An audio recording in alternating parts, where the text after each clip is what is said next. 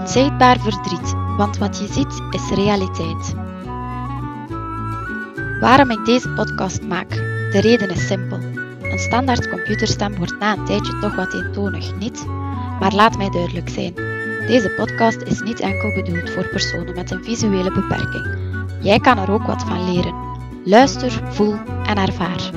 Luister naar het unieke verhaal en de bijzondere ervaringen van 11 mooie mensen die vertellen over hun ervaringen rond de thema's rouw en verlies. Voel de emoties die schuilgaan onder een stevige opmerking of een verborgen lach.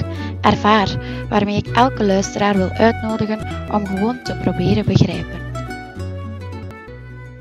In deel 2 wordt dieper ingegaan op het rouwproces dat gepaard kan gaan met het hebben van een visuele beperking. Binnen het thema rouwen om het hebben van een visuele beperking is levend verlies een belangrijk subthema. Een levend verlies is dat soort verlies dat niet ophoudt zolang de bron van het verlies blijft bestaan. In deze context wordt de visuele beperking gezien als een levend verlies. In onderstaand deel worden de factoren besproken die invloed uitoefenen op de manier waarop personen omgaan met hun visuele beperking en of ze deze beperking al dan niet ervaren als een levend verlies. Slechts twee respondenten waren vertrouwd met deze term. Een deel van de respondenten ervaart het hebben van een visuele beperking als een levend verlies. Het andere deel geeft aan dat hun visuele beperking niet als een levend verlies te ervaren. Een levend verlies wordt gekenmerkt door periodische opstoten van intens verdriet. Op bepaalde momenten wordt men geconfronteerd met de beperkingen die een visuele beperking met zich meebrengt. Wat ik zie, zien zij niet en omgekeerd. Hoe zij dingen doen, doe ik vaak op een andere manier en omgekeerd. Ik moet erop letten dat ik mijn oudste dochter die kans geef om dingen op haar manier als goedziende te doen en het niet te doen als slechtziende. Dat is vaak heel moeilijk, want nu heeft ze de leeftijd dat ze alles nadoet van wat of hoe ze mij iets ziet doen.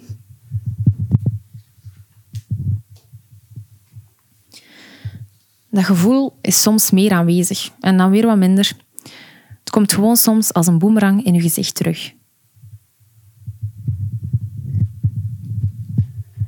Vorige week moest ik naar de dokter voor mijn dochter. En die trut van een psychiater die heeft gevraagd aan mijn man en ik of wij een opleiding hebben gehad om kinderen op te voeden. Onze dochter had eerst een half uur alleen met haar gesproken. Ik weet niet wat ze gezegd heeft. Misschien heeft ze wel gezegd dat de beperking van haar ouders op dit moment ook invloed heeft. Ik weet het niet. Ik kan het nog altijd niet goed plaatsen. Maar na een half uur mochten wij dus mee op dat gesprek. En dan begon ze te vragen wat mijn man en ik konden zien. En dan heeft ze gevraagd of wij een opleiding hebben gehad of hulp hebben gekregen in de opvoeding van ons kind. Ik heb gewoon vlak af gezegd, ah, krijgen jullie dat dan als ziende mensen? Ik heb nog nooit iemand gehoord die een opleiding gekregen heeft. Ja, ze heeft zich dan wel geëxcuseerd. Ik was daar echt van de kaart door. Dan is het wel echt een levend verlies. Tot op vandaag. Dan is het echt een levend verlies hoor. Je ziet het als ik erover vertel. De tranen komen mij weer in de ogen. Ik vind dat de maatschappij of de mensen rondom u het soms voor u een levend verlies maken. Een deel van de respondenten met een aangeboren visuele beperking geeft aan een beperking niet als een levend verlies te ervaren. Bij een aangeboren visuele beperking heeft de persoon in kwestie nooit eerder gezien, waardoor er minder sprake is van een verlies. Het is belangrijk om de nuance te maken dat een levend verlies periodiek verloopt en er momenten kunnen plaatsvinden waarop men de beperking wel als een levend verlies ervaart, los van het feit of deze beperking aangeboren of verworven is. Mensen vragen mij soms of ik het niet mis om goed te kunnen zien. Maar dan antwoord ik altijd dat ik niet kan missen wat ik nooit heb gekend. Als je blind bent geboren, dan is het afhankelijk van de filosofie best niet van toepassing. Uh, ik denk als je gezien hebt dat het wel akkoord is met zo'n levend verlies, ik ervaar het eerder als een levende nieuwsgierigheid. Ja, bij mij is het van mijn geboorte, dus ik weet niet beter. Hè. Wij zijn dat gewoon, hè. wij hebben niets anders gekend. En als je het gewoon bent van goed gezien te hebben, ja, en dan ineens niets meer. Een verworven visuele beperking gaat gepaard met een groot verlies. In eerste instantie nemen gevoelens van ongeloof de bovenhand. Nadien kan ruimte worden gemaakt om een manier te zoeken om met het verlies om te gaan. Het is een aanpassingsproces dat gepaard gaat met wisselende emoties, zoals angst, frustratie, maar ook wilskracht om met een positieve mindset verder te gaan. Rond mijn dertigste ben ik volledig blind geworden. En ik had niet direct in de gaten dat ik totaal blind was door het feit dat ik synesthesie heb. Dat is waarnemen met verschillende zintuigen tegelijk. Ik had dus tijd om mij aan te passen en ervaren de volledige blindheid niet direct als een groot verlies. Dat kwam pas achteraf. Eens dat ik dit besefte, sneed deze realiteit door gans mijn wezen. Ik heb geleerd om ermee om te gaan. Echter gewoon word je het nooit. Wanneer je hebt gezien, is het uiteraard een levend verlies. Nu dat niet meer onomkeerbaar is, zie ik dat eerder als een vorm van zijn. Ik ben Elisabeth die blind is. Hoe ik zal zijn wanneer ik niet blind zal zijn, weet ik niet. Verder is er een duidelijk verschil merkbaar wanneer een progressieve visuele beperking tegenover een stabiele visuele beperking wordt geplaatst. Een progressieve visuele beperking is een beperking die erger wordt naarmate de tijd vordert. Personen met een progressieve visuele beperking worden steeds opnieuw geconfronteerd met verlies van verzichtsvermogen, waardoor gevoelens van angst en frustratie de kop opsteken. Er is een bron van onzekerheid aanwezig, aangezien respondenten niet weten hoe een beperking verder zal evalueren. Wanneer de visuele beperking stabiel is, ervaren de meeste respondenten hun visuele beperking niet als een levend verlies. Wat niet wil zeggen dat deze beperking in het verleden niet als een levend verlies ervaren werd of in de toekomst opnieuw als een levend verlies ervaren zal worden. Er heeft ooit eens iemand tegen mij gezegd, en ik geloof dat ook echt. Hè. Ik zei, iedere keer dat afgeven, dat opnieuw aanpassen, dat is elke keer die stap achteruit. En die persoon die zei dat, dat ze al van mensen had gehoord dat het een opluchting was dat ze volledig blind werden. Dan was die verwerking voorbij. Ik denk dat het grote verschil ook is, als het stabiel blijft, krijg je daar op een zekere manier ook rust in. Maar als het blijft achteruit gaan, niet. Ik weet dat iedere keer wanneer ik op oogcontrole moet gaan, dat dat voor mij is bibber, bibber, bibber. Ik heb beter gezien. En ik heb een periode gehad dat ik slechter zag door een operatie. Weliswaar kort. En ik heb ook een vooruitgang gemaakt die ik ondertussen weer kwijt ben. En ik herinner mij wel nog dat ik toen dacht van... Oei, ik zie hier onkruid staan. En ik weet niet of ik daar nu blij mee moet zijn of niet. Ik zag terug mijn voeten en de voegen in de vloer. En ik weet dat ik dat nu niet meer zie. Dus ik weet dat ik die dingen mis. Bij mij is het nu geen levend verlies. Gewoon omdat, gewoon omdat het niet achteruit gaat bij mij. Nu is het redelijk stabiel bij mij. Maar als dat linkse oog ooit nog eens zo'n knauw gaat krijgen zoals dat rechtse heeft gehad, dan is het weer minimum zes maanden of zo. Hè? En al de rest van je leven dat je verlies moet dragen. Je moet er alles bij nemen. Ik ervaar dat als een levend verlies omdat mijn zicht blijft achteruit gaan. Omdat bij mij de vraag ook is, gaat het licht ooit echt uitgaan? Niet dat ik daar dagelijks mee in mijn hoofd zit, hè, maar dat blijft toch. Een volwaardige acceptatie van de beperking vindt niet plaats. Een aanvaardingsproces verloopt hobbelig en dynamisch. Er zullen momenten zijn waarop de beperking algemeen aanvaard lijkt, maar op andere momenten wordt de persoon in kwestie opnieuw geconfronteerd met zijn of haar beperking. Er wordt een duidelijk onderscheid gemaakt tussen jezelf aanvaarden en jouw beperking aanvaarden. Ik geloof dat dat er nooit een volledige acceptatie van een beperking is. Ik denk altijd dat gelijk in de fase van Kubler-Ross, dat je heel de tijd teruggaat. Ja, dus er kan een moment zijn dat je denkt dat je die beperking wel algemeen aanvaard hebt. Maar dan gebeurt er iets dat je confronteert met wie je bent en dan begint het proces weer helemaal opnieuw. Mezelf heb ik aanvaard. Daar heb ik gewoon geen probleem mee. Want wie ik ben staat los van wat mijn beperking is. Die beperking zit er gewoon bij. Ik denk dat het vooral is, als ik nu voor mezelf spreek, dat je terug in die cirkel komt als er iets gebeurt dat u echt zwaar confronteert met wat die beperking voor u als belemmering heeft. Het is echt een stom voorbeeld, hè, maar ik moest deze ochtend naar de dermatoloog. Op zich geen probleem, maar ik ontdekte gisteren om tien uur dat het openbaar vervoer niet meer reed. Ja, maar ja, ik mag ook niet met de fiets rijden. Ik zat echt vast, ik was enorm gefrustreerd en zo kwaad. Ik zou meer kiezen voor jezelf respecteren. In jezelf respecteren zit de acceptatie van je beperking. Die heb je op zoveel momenten misschien wel geaccepteerd, maar misschien toch ook niet helemaal. Als je respect hebt voor jezelf, vierkant zijn op wie je bent en je kleine kantjes erbij neemt, dan heb je beperking meestal geaccepteerd. Maar op moeilijke momenten toch ook weer niet volledig.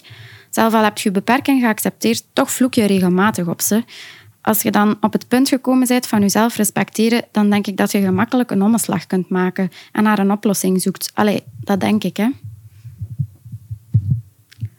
Het is wel zo dat je bepaalde dingen niet kan zien doordat dat zintuig niet functioneert. Maar ik denk dat heel veel mensen, zowel de ziende als de blinde, durven vastzitten in het zintuig zelf dat niet werkt. Blind zijn is een heel vast label. Je kunt daar niet omheen. Maar toch moet je proberen om jezelf te zijn en te zoeken naar wie je bent. De aanvaarding of verwerking van mijn beperking, ja, dat is, dat is eigenlijk heel periodiek. Ik denk dat ik wel, ja, dat ik wel mag zeggen dat ik daar best positief sta in, in sta eigenlijk. Dat ik zoiets heb van, ja oké, dat is zo. En je hebt altijd dagen die gemakkelijker gaan dan andere dagen. Ik zeg altijd van uh, een beperking aanvaarden niet, daar leerde mee leven. En je moet dat ook niet aanvaarden, hè, maar je moet er wel mee leren omgaan. Het leven weer opnieuw op de rails krijgen dat voor iedereen aanvaardbaar is. Want uiteindelijk, uh, ja, dat wil ik nog even zeggen, het is voor mij een rouwproces, mijn zicht verliezen. Maar het is evengoed een rouwproces voor de mensen rond mij. Mijn man, mijn kinderen. Iedereen heeft daarmee anders moeten leren omgaan. Ik zal nooit accepteren dat ik veel niet meer kan zoals een goedziende dat wel kan. Ik doe het op mijn manier. Ik leer ermee leven dat ik veel dingen anders doe en ervaar dan een goedziende. Het aanvaarden van je beperking is niet altijd eenvoudig, door de omgeving die je soms niet als volwaardig neemt of ziet. De negatieve mening van sommigen uit je naaste omgeving dien je te weren en dat ontlokt een strijd met jezelf.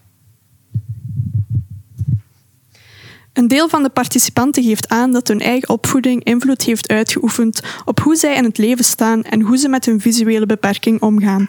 Een aspect dat vaak naar voren kwam bij de bevraging van de respondenten is de nood aan zelfstandigheid.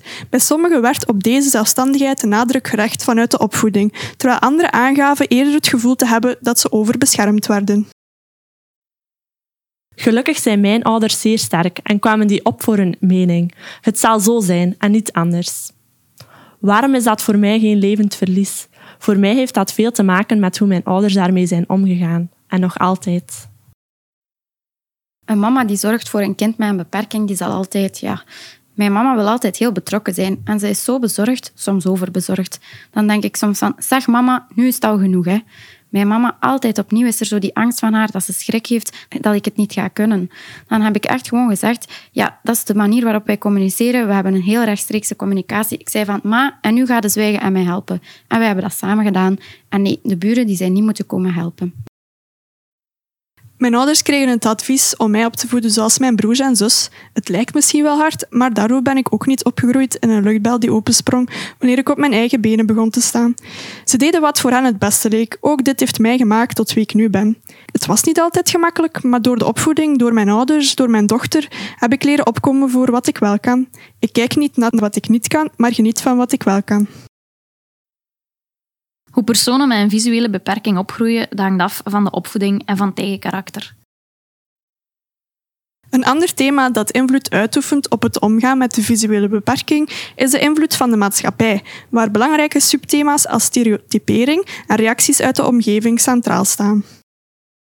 Een groot deel van de personen die deelnamen aan de interviews ervaren een gevoel dat er een stereotype denkwijze leven in de maatschappij over personen met een visuele beperking. Personen met een visuele beperking zijn een heterogene groep mensen waarbij de visuele beperking een gemeenschappelijk kenmerk is. Respondenten hebben het gevoel afgebeeld te worden als hulpbehoevend. Ze hebben op bepaalde vlakken ondersteuning nodig, maar willen daarnaast ook erkend worden voor wie ze zijn en wat hun capaciteiten zijn. Soms heb ik het gevoel dat mensen denken van je bent een triestige plant omdat je een beperking hebt. En je bent continu bezig met het verwerken van je beperking, terwijl dat dan niet waar is. Wat ik nog vind, en ik spreek dan voor mezelf, hè, maar ik, ik wil niet als gehandicapt in Duits of zo gezien worden, want dat ben ik echt niet. Ik wil herkend worden voor hetgeen wat ik heb.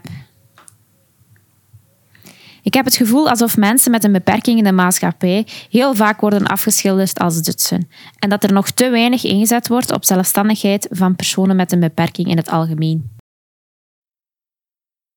Het is zo dat je bepaalde dingen niet kunt zien door dat zintuig dat niet functioneert. Maar ik denk dat heel veel mensen, zowel de ziende als de blinden, durven vastzitten in het zintuig zelf dat niet functioneert.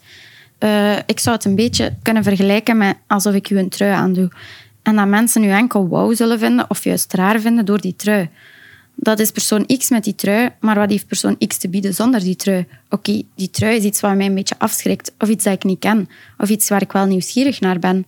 Maar hoe kan ik dat op een gezonde manier zonder de persoon zelf een beetje te vergeten? Want overschaduwen, dat vind ik een verkeerd woord.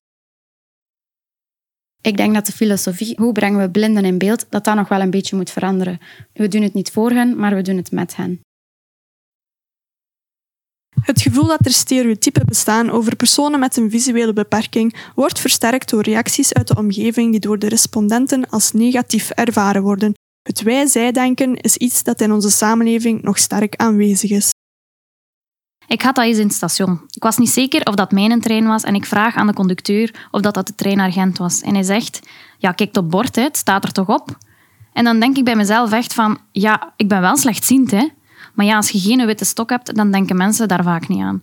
Niet iedereen legt de link tussen het hebben van albinisme en het slechtziend zijn. Veel mensen kennen dat gewoon niet, hè. Sommige mensen pijzen dat je zo zielig bent, hè. Ik heb echt zoiets iets meegemaakt op straat ik was aan iets leuk aan het denken en ineens komt er zo een naar mij. Ik versta echt iets niet. En ik zeg, wat versta je niet? Ah wel, jij bent hier gewoon aan het glimlachen, maar je kunt toch niet gelukkig zijn als je niet ziet? En ik heb geantwoord, wie is er hier nu niet gelukkig? Mensen zeggen vaak van, dat moet toch echt erg zijn als je niet kunt zien. Maar ik denk dat het zien juist enorm aanwezig is door de mensen en hoe dat mensen dat percipiëren. Mensen geven mij vaak het gevoel of ze geloven dat. Veel mensen geloven dat als je niet ziet, dat je dan niet kunt functioneren. Ik geef ook gastcolleges voor gidsen en gidsen in opleiding rond gidstechnieken voor blinden en slechtzienden. En dan krijg ik vaak de vraag, wat heeft een blinde daar nu aan om naar een museum te gaan? Wij willen eigenlijk gewoon hetzelfde als de ziende mensen. Hè? Wij zijn daar niet anders in. En we willen even goed als een ziende over een kunstwerk kunnen praten op het moment dat er over een kunstwerk gepraat wordt. Wij zijn daar echt niet anders in. In het begin vroegen de mensen aan de schoolpoort van mijn oudste dochter of dat het doordat ik niet goed zie en mijn jongste dochter heb laten vallen dat ze gestorven is. Ik sta bijvoorbeeld met mijn dochter ergens te wachten en dan vragen ze aan mijn dochter: Wat heeft uw mama? In plaats van dat mij te vragen.